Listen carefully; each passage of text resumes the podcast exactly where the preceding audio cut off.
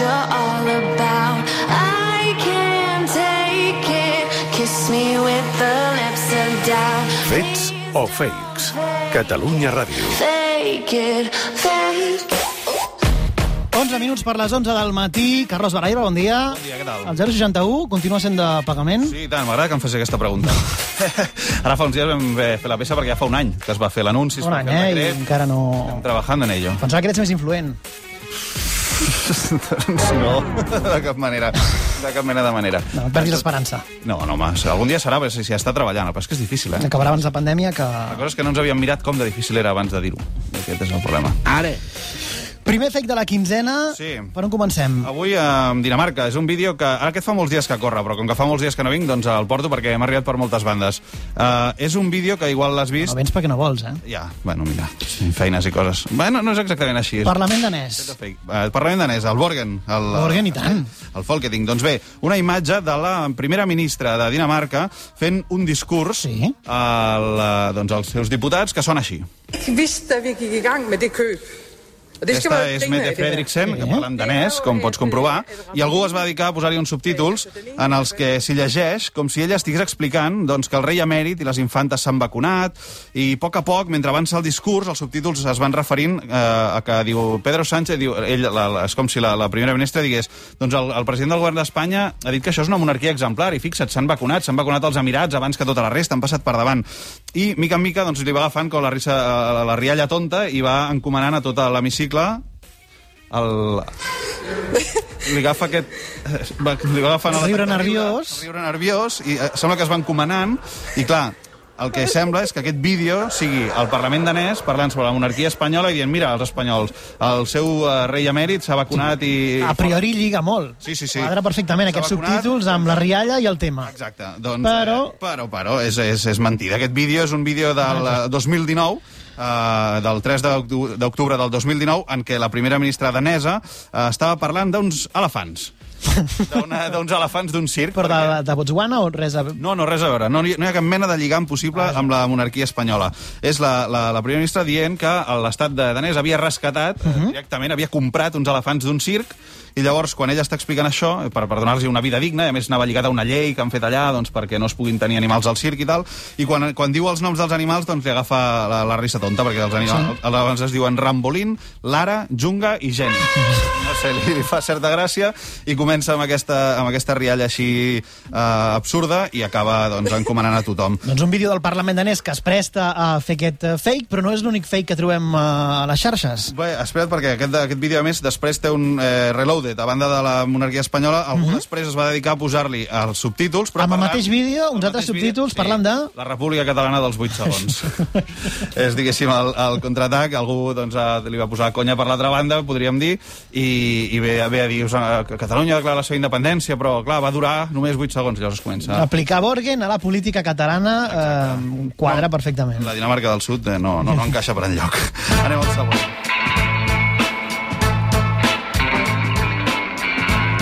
Segon fake de la quinzena, aquest és molt recurrent, en circulen molts i en molts formats. Falsos SMS de seguiment de paquets que t'han d'arribar a casa. Sí, eh, segurament igual t'han arribat algun, no? T'arriba, tens un paquet en marxa, clic en aquest enllaç perquè has de pagar o has d'actualitzar o has de fer alguna cosa perquè t'acabi d'arribar el, el missatge. N'hi ha que són, eh, utilitzen el nom de Seur. Uh -huh. N'hi ha un de, que és el més perillós que eh, utilitza el nom de FedEx.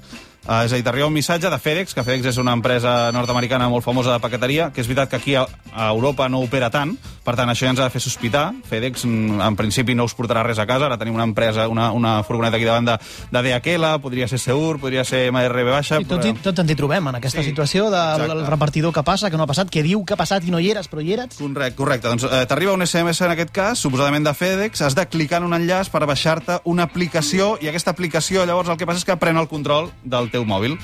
De tot, absolutament. Val? Eh, Et permet controlar el mòbil, llegir missatges, emetre missatges, detectar aplicacions, agafar-te tots els contactes... I en aquest cas, aquesta estafa de FedEx ha arribat fins i tot a... Eh, eh, els, els experts calculen que amb aquesta estafa, els que l'han fet han aconseguit tenir un de cada quatre en telèfons mòbils dels espanyols.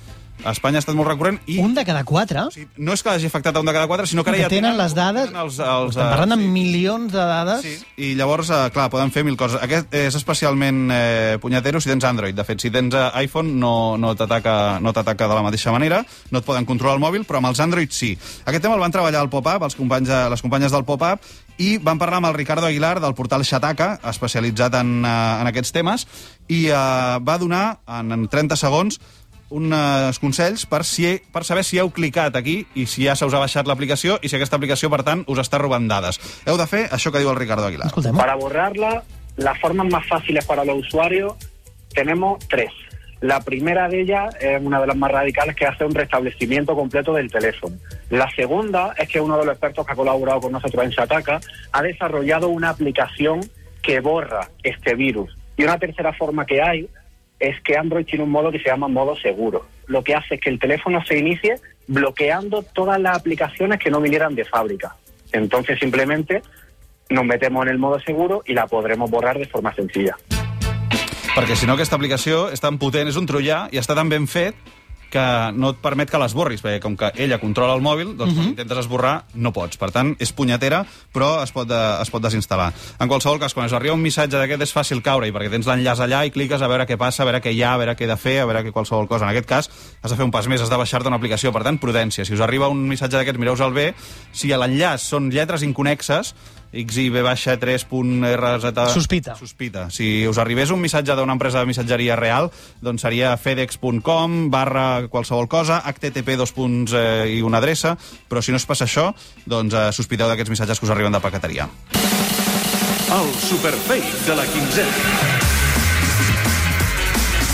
No és cap superfake. Va, Ibar, deixa'm actualitzar el marcador que tenim aquí a l'estudi de eh, diputats de Ciutadans que anuncien la seva dimissió, perquè cau ara Marta Martín Llaguno, que és diputada per Alacant. Doncs un degoteig, eh? És un degoteig a les 10 i 55, eh, una altra baixa a Ciutadans. A veure, a les 11. Superfake de la quinzena, Sí. Aquest té a veure amb el que està passant a les Illes Canàries. Aquests dies us ha entrat a la Cèlia Sarnades, la companya Sí. d'informatius, que, que ha anat allà... Avui, precisament, fa especial. 5 anys de l'acord de la, del pacte del Tractat de la Vergonya amb la Turquia d'Erdogan per eh, frenar l'arribada dels, dels eh, refugiats que fugen de Síria pel Mar Egeu. Doncs bé, aprofitant l'arribada de milers de persones a les Canàries l'any passat, doncs eh, s'han difós missatges ab- absolutament eh, fora de mida, eh, molt exagerats, exagerant molt les xifres. Val? La realitat és que a les Canàries l'any passat van arribar unes 23.000 persones i l'an- l'any anterior menys de 3.000. Per tant, l'any passat va arribar molta gent a les Canàries comparat amb l'any anterior. Unes 20.000 persones i això ha generat una situació que cal gestionar-la. I això qui ho aprofita? Doncs el missatge eh, xenòfob L'extrema dreta. de l'extrema dreta que es dedica a fer córrer un WhatsApp que potser us ha arribat en el qual eh, hi ha les, les següents afirmacions. Per exemple, a Lanzarote i a Fuerteventura ja hi ha més marroquins que persones que espanyols. Mentida. A Tenerife controlen algunes zones de les illes, de l'illa fins i tot. S'hi han fet forts i tenen el control del territori. Segona mentida.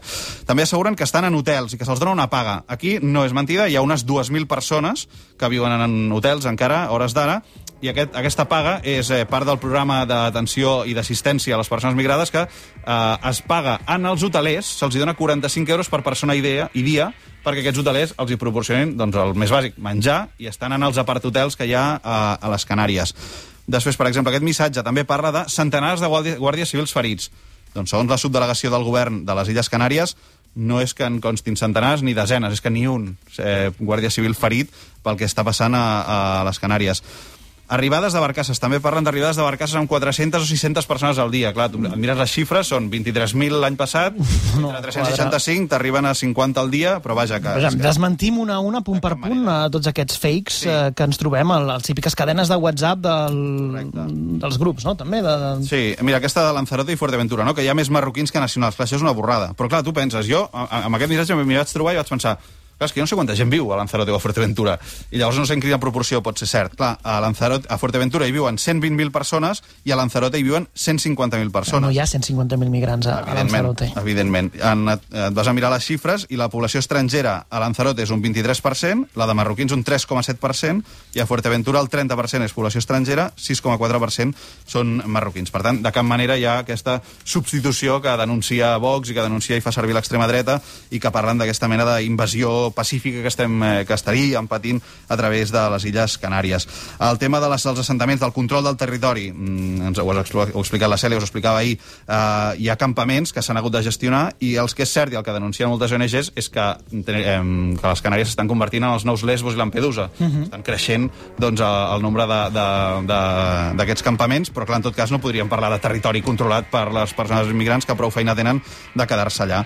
I acabaria amb això, que ja hem desmuntat tots aquests fakes que són com molt, eh, són molt exagerats. I són Alguns són molt evidents, però, però sí. després mires el resultat de les eleccions i Exacte. el missatge qualla. I el, que, el missatge qualla perquè mm, realment segurament no s'afronta. És a dir, aquests missatges estan molt exagerats, però ens ho explicava la Cèlia, que està allà. Diu, és veritat que no són aquestes xifres exagerades, però és veritat que aquí s'ha generat una situació que genera problemes de convivència, genera problemes en el dia a dia o disfuncions, encara que sigui. 20.000 persones arribant a una illa en la que no hi ha les infraestructures, no hi ha els, els equipaments per acollir aquestes persones, no hi ha albergs, no hi ha tantes altres equipaments per acollir-los, doncs genera disfuncions que s'han d'afrontar, s'han d'afrontar i s'han de fer i s'han d'explicar que estan passant, perquè si no l'extrema dreta té el camp abonat per parlar d'opacitat, de mentides, de que ens ho amaguen, ens estan envaint.